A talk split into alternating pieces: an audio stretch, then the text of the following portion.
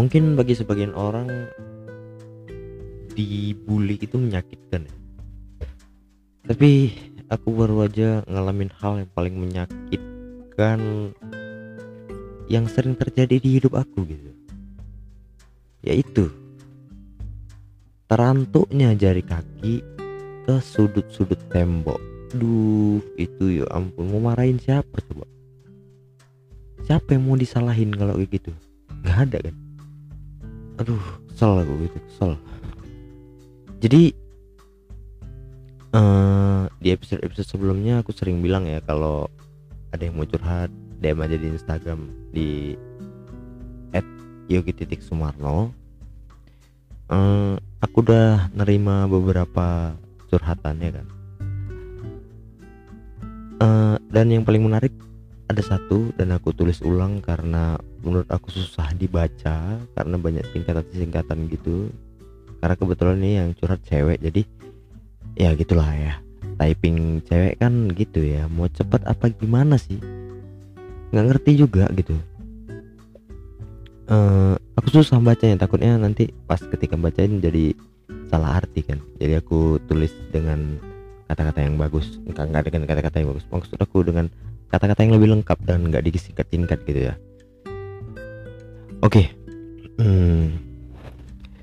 tapi nanti takutnya dibilang orang eh podcast ini ikut-ikut Adriano Colby. Baca-bacain curhat. Tapi bodo amat lah ya. Cuman itu yang bisa kulakukan ya kan. Mau gimana lagi? Tapi selain jari kaki tadi yang terantuk hmm, sudut-sudut tembok ya kan semalam MU kalah 5-0 dari Liverpool gitu.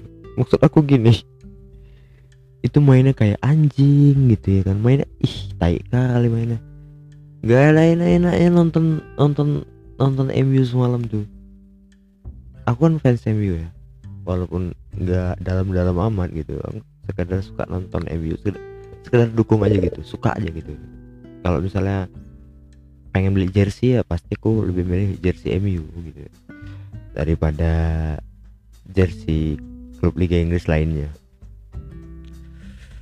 Suka MU dari zaman Nistelrooy dipukulin sama punggawa Arsenal zaman Patrick Vieira kalian tahu? Ah itu dari situ aku mulai suka MU wow apa itu? Dan terus aku ngikutin sampai zamannya uh, Ronaldo, Cicarito sampai sekarang. Semalam kalah 5-0 babak pertama itu aja 4-0 anjing anjing sakit sakit. Itu mainnya kayak mana? Bisa-bisanya backnya nanti ah nggak ngerti lah. Tapi ya Liverpool itu mainnya bagus. Menurut aku sebagai fans MU yang harusnya kesel ya kesel memang. Tapi so far sih aku terhibur sama pemain Liverpool jadinya. Hmm, maksud gini aku udah ada di titik nonton bola tuh dukung? Iya dukung. Tapi uh, secara general aku lebih suka entertainingnya gitu. Lebih suka bagaimana hiburannya secara keseluruhan gitu. Tapi semalam itu mainnya Liverpool. Ih anjing ngeri ngeri ngeri ngeri. Tapi MU buat jadi nggak ngeri karena jadi terlalu mudah gitu. Tapi kalau kalahnya dari satu kosong atau dua satu atau tiga satu tapi perlawanannya ketat. Itu nggak apa-apa gitu tapi Liverpool semalam kayak kayak ngelawan apa ya? Nggak ngerti kayak, kayak ngelawan aduh susah sih bilangnya. Sekelas MU gitu bisa kalah 5-0 anjing kali sakit kali sakit kali sakit sakit sakit sakit. Tapi Liverpool tuh menurut aku udah nurunkan tempo sejak babak kedua gitu. Nggak nggak nyerang sengotot itu lagi. Nggak nyerang sengotot itu lagi karena mungkin dia respect kali ya sama Ronaldo atau main lainnya. Ronaldo juga mainnya emosi doang. Ya udahlah ya. Nggak ada lagi yang bisa dibanggain gitu untuk sekarang-sekarang nih. Tapi uh, uh, hiburan dari hatersnya MU juga lucu-lucu banget anjing anjing. Lucu gitu meme-memnya lucu kali. Tapi kabarnya uh, Ole Gunnar Solskjaer bakal dipecat ya? Ini per per beberapa jam lagi lagi meeting gitu. Uh, apa namanya? Hmm, lagi meeting petinggi-petinggi MU gitu ya untuk membicarakan masa depan Solskjaer. Tapi ya bodo amat lah ya. Kita langsung masuk aja ke curhat ya kan. Aku bacain ya. Uh, bang nama aku Rini. Jangan sebutin uh, nama Instagramnya oke. Okay. mungkin nama samaran ya Bang nama aku Rini. Aku cewek usia 22 tahun. Saat ini kerja sebagai karyawan swasta.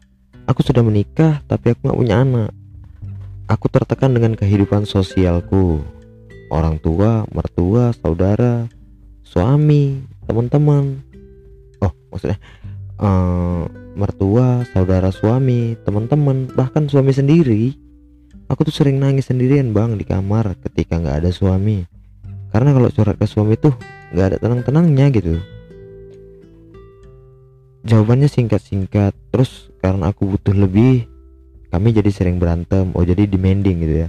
Mungkin si cewek ini love language-nya adalah eh, kata-kata gitu ya. Apa sih nama bahasa Inggrisnya? Lupa. Hmm, jadi dia butuh uh, penenangan dengan kata-kata. Ya ini tipe-tipe fansnya Mario Teguh Golden Wish lah ya kan? Oke okay, lanjut ya. Jujur ya aku pengen gitu ngomong uh, jujur ya aku pengen gitu ngomong bayi lihat postingan teman-teman yang pada punya bayi itu bikin iri bang. Oh iya bener sih. Aku kan punya dua anak jadi makin ke sini aku makin sadar postingan aku tuh dipantau sama teman-teman yang nggak punya anak. Pasti mereka juga mungkin juga aku bisa menyakitin hati mereka dengan postingan aku terlalu bahagia gitu ya. Tapi kan niat aku nggak itu gitu. Niat aku tuh hanya pengen nyimpen foto anak aja. Karena pada saatnya nanti anak bisa ngelihat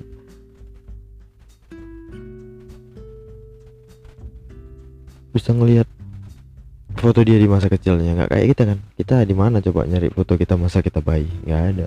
Masa perkembangan kita. Kalau anak-anak kita nanti tuh bisa lihat gitu tuh uh, setiap bulan atau setiap uh, per tiga bulan kan ayah orang tuanya pasti ada posting gitu. Ya kalau nggak ada posting berarti dia nggak tahu ayah emaknya siapa lah gitu. oke. Oke sampai mana tadi? Oke nih kita lanjut ya. Aku nggak tahu nih bang siapa yang bermasalah dari segi medis aku atau suami. Oh gitu. Maksudnya siapa yang eh, nggak uh, bisa menghasilkan anak gitu ya. Kalau cek kalau ngajak cek suami nggak pernah mau. Kalau menurut abang gimana ya aku harus menyikapin ini? Gimana ya aku harus menyikapin ini semua tentang aku, suami, keluarga, dan sebaiknya apa yang harus kulakukan ya. Makasih bang, oke. Okay. Rini oke okay. aku pertama kasih pandangan dulu ya pertama memang semua orang yang udah menikah pengen punya anak gitu apalagi kita lihat teman-teman kita yang udah pada punya anak gitu lucu gitu kan terus itu apalagi kita pengen juga kan hmm, ngasih nama anak gitu. Pengen juga ngelihat gimana garis keturunan kita mirip siapa gitu kan. Tapi menurut aku um, kalau untuk punya anak ada hal yang lebih mulia sih kalau memang misalnya nggak bisa gitu. Kan ada banyak anak yatim di luar sana mungkin juga ada yang bayi. Kamu bisa kali ngadopsinya. Kamu beri kasih sayang. Karena pada akhirnya anak itu uh, apa namanya melahirkan itu bukan melahirkan itu menurut aku hanya 15% peran orang tua aja. Sisanya peran orang tua itu membesarkannya. Gini maksud aku. Ini misalnya nih kau sama mamamu sekarang gitu kan sama orang tuamu sekarang orang tua mengaku Nak, sebenarnya kau bukan anak kami.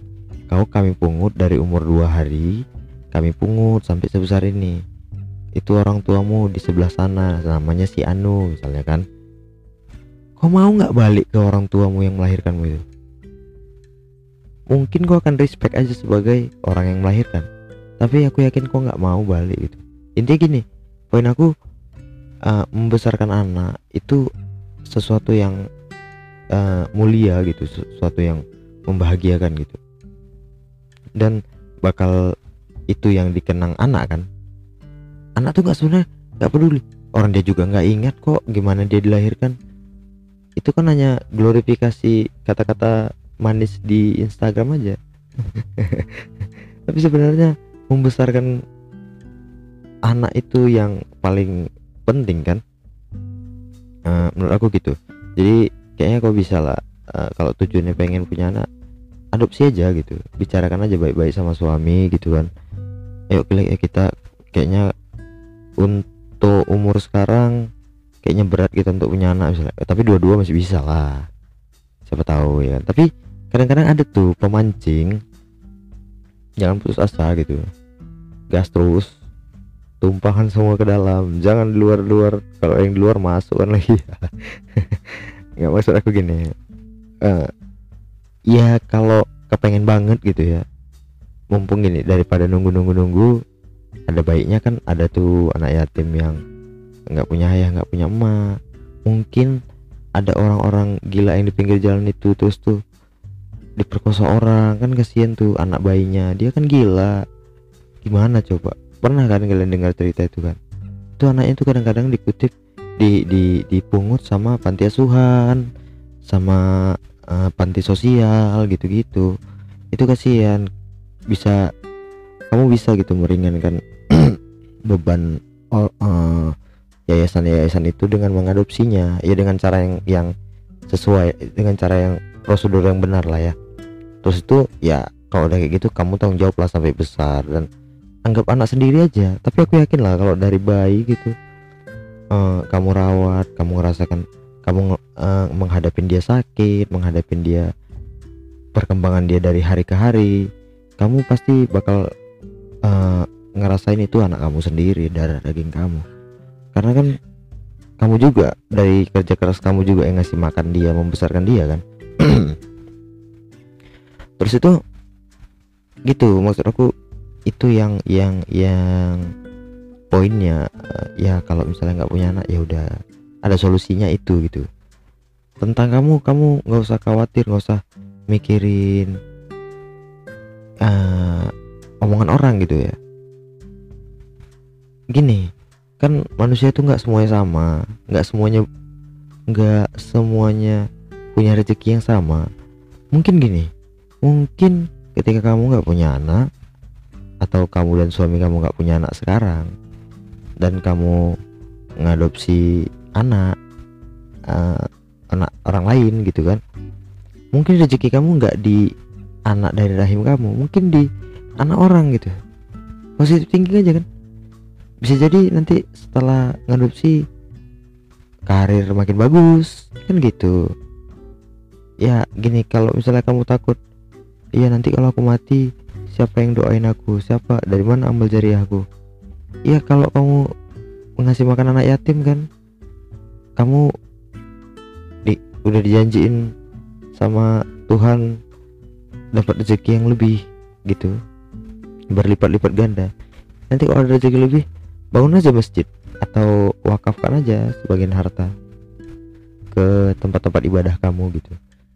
Harta yang bermanfaat untuk orang banyak kan itu turut andil untuk doain kita ketika kita mati. Uh, tentang suami ya. Suami yang yang kalau diajak curhat tuh cuek. Aku tahu nih. Aku paham karena aku laki-laki kan. Ada ada memang tipe laki-laki yang gak mau banyak omong gitu. Tapi percayalah dia itu juga tertekan di lingkungan sosialitanya gitu laki-laki tuh lebih pedes gitu. Misalnya nih ini aku pernah punya cerita nih. Dulu waktu punya teman kerja yang nggak punya anak juga udah bapak-bapak udah tua mungkin umurnya 52 tahun gitu kan. Dia nggak punya anak tuh. Di sebelah mejanya ada yang masih muda umur sekitar 40-an atau 30-an sekian anaknya 10 gitu jadi yang nggak punya anak ini asik diajain sama abang-abang ini yang nggak punya yang punya anak banyak ini. Wow alah buat anak nggak bisa nggak baik cakap pak itu sakit loh menurut aku. Ini keadaan yang sulit kita ubah tapi kita diceng-cengin itu sakit. Maksudnya gini kalau misalnya aku dibilang nih ya elah Oke karir kok mentok di situ aja Gi. Podcastmu gak akan berkembang. Aku bisa terima karena eh aku bisa sabar karena aku masih bisa berusaha untuk mengubah keadaan. Nah kalau keadaan yang kita nggak tahu itu bisa kita ubah apa enggak itu gimana kita? Pasti sakit hati kan? Nah laki-laki itu lebih parah gitu. Bisa kadang-kadang dibilang iya titit kok nggak hidup sih? Ya titit kok lembek. Itu lebih sakit gitu. Artinya laki-laki itu nggak suka diperlakukan nggak berguna gitu. Mungkin dia juga stres gitu ada baiknya gitu. Coba kamu uh, ajak bicara tentang perasaan dia menghadapi sosialitanya dulu. Jadi kalau kamu mengharapkan dia bicara banyak kamu banyak bertanya dulu uh, pancing dia untuk bicara tentang dia menghadapi hal yang sama dulu baru nanti kamu cerita baru nanti saling cerita gitu kan dan kalau dia masih emang modelnya kayak gitu ya udahlah modelnya kayak gitu. Kamu cari tempat curhat lain aja gitu. Teman misalnya hmm, cari teman yang nggak terlalu toksik lah. Kalau keluarga ya gitu tadi. Keluarga tuh emang susah ya. Memang ada tipe-tipe keluarga yang lebih lebih ini. Kita kadang-kadang nggak butuh dia aja gitu kayaknya setelah uh, hidup berbarengan bertahun-tahun gitu. Tapi setelah berpisah karena sama-sama menikah terus tuh ketemu lagi kok gini ya gitu kan. Yang kita yang kita kira dulu hidup kita baik-baik aja ada nih tipe-tipe keluarga yang mulutnya kayak anjing gitu kan. Dan itu kayaknya nggak usah digubris lah karena kan kamu nggak tinggal sama mereka kamu tinggal sama suamimu. Dan sebaiknya apa yang harus kamu lakukan gitu kan? Ya selain bersabar ya itu tadi sih. Bisa adopsi eh bicarakan aja sama suami. Atau kalau memang kamu enggak lah kayak adopsi itu enggak lah. Ya udah kamu nikmatin aja hidup kamu yang sekarang ya me time sama suami me time sama keluarga santai aja. Atau jalani hobi-hobi yang membuat kamu senang gitu misalnya berkuda atau memelihara terenggiling atau uh, mengecat kapal selam TNI Angkatan Laut ya macem lah kan. Jalannya jauh bersepeda misalnya kan lagi atau main game uh, bangun karir berkarya. Berkarya itu membuat sesuatu itu membuat membuat kalian healing juga sih menurut aku. Karena dopamin kita lepas aja gitu ya kan? Boleh nggak sih? Uh, ya gitu. Uh, nih aku punya teman juga nggak punya anak. Mungkin udah 10-15 tahun dia nggak punya anak. Dan dia PNS uh, hidupnya sepertinya baik-baik aja. Karena postingan sama istrinya juga happy gitu kan. Liburan ke mana ke mana ke mana bisa keluar kota keliling Indonesia. Ya gitu aja. Kalau misal kamu ngerasa kesepian ya cari keramaian aja gitu. Uh, kan kerja juga ada liburnya ya siapkan waktu untuk liburan bersama suami gitu uh, suami kamu juga ya harus kalau misalnya gitu aja bicara baik-baik ayolah kita cek kan gitu. Aku nggak akan nyalahkan kau ketika kamu yang nggak bisa gitu bilang gitu kan. Ayolah bang cek bang kita bang. Biar kita nggak penasaran gitu misalnya kau yang bermasalah aku juga nggak nuntut apa apa ya udah kita bisa bicarain baik-baik. Gimana kita menghadapi uh, uh, pernikahan kita sampai kita mati gitu. Misalnya kalau misalnya kalau kau yang bermasalah dan kalau kau mau adopsi ya kita adopsi. Kalau kamu ke, ke adopsi ya kita bisa cari keramaian kita liburan kita ke mana gitu. Tapi kalau aku yang bermasalah nah ini nih. Misalnya kau yang bermasalah nih nih kamu gimana? Mau merelakan suamimu bikin anak tempat yang lain atau adopsi. Nah gitu kok jadi bisa adil kan? Kalau misalnya suami yang bermasalah kamu nggak apa-apa kamu yang bermasalah suami ya harusnya nggak apa-apa gitu. Harusnya nggak apa-apa. Mungkin kamu takut suami suamimu selingkuh gitu kan ke cewek lain gitu kan? Dari ceritanya yang suamimu yang jawabnya singkat-singkat aja kemungkinan sih iya. Enggak ya mudah-mudahan enggak. Tapi enggak ya enggak enggak. Laki-laki itu kadang-kadang masalahnya itu dia nggak bisa selesaikan di luar akhirnya terbawa-bawa ke dalam gitu.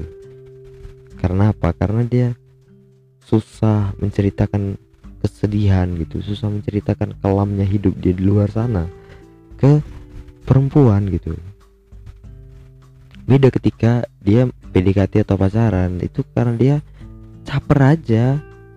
Caper. Dia melakukan segala cara untuk mendapatkan cinta perempuan.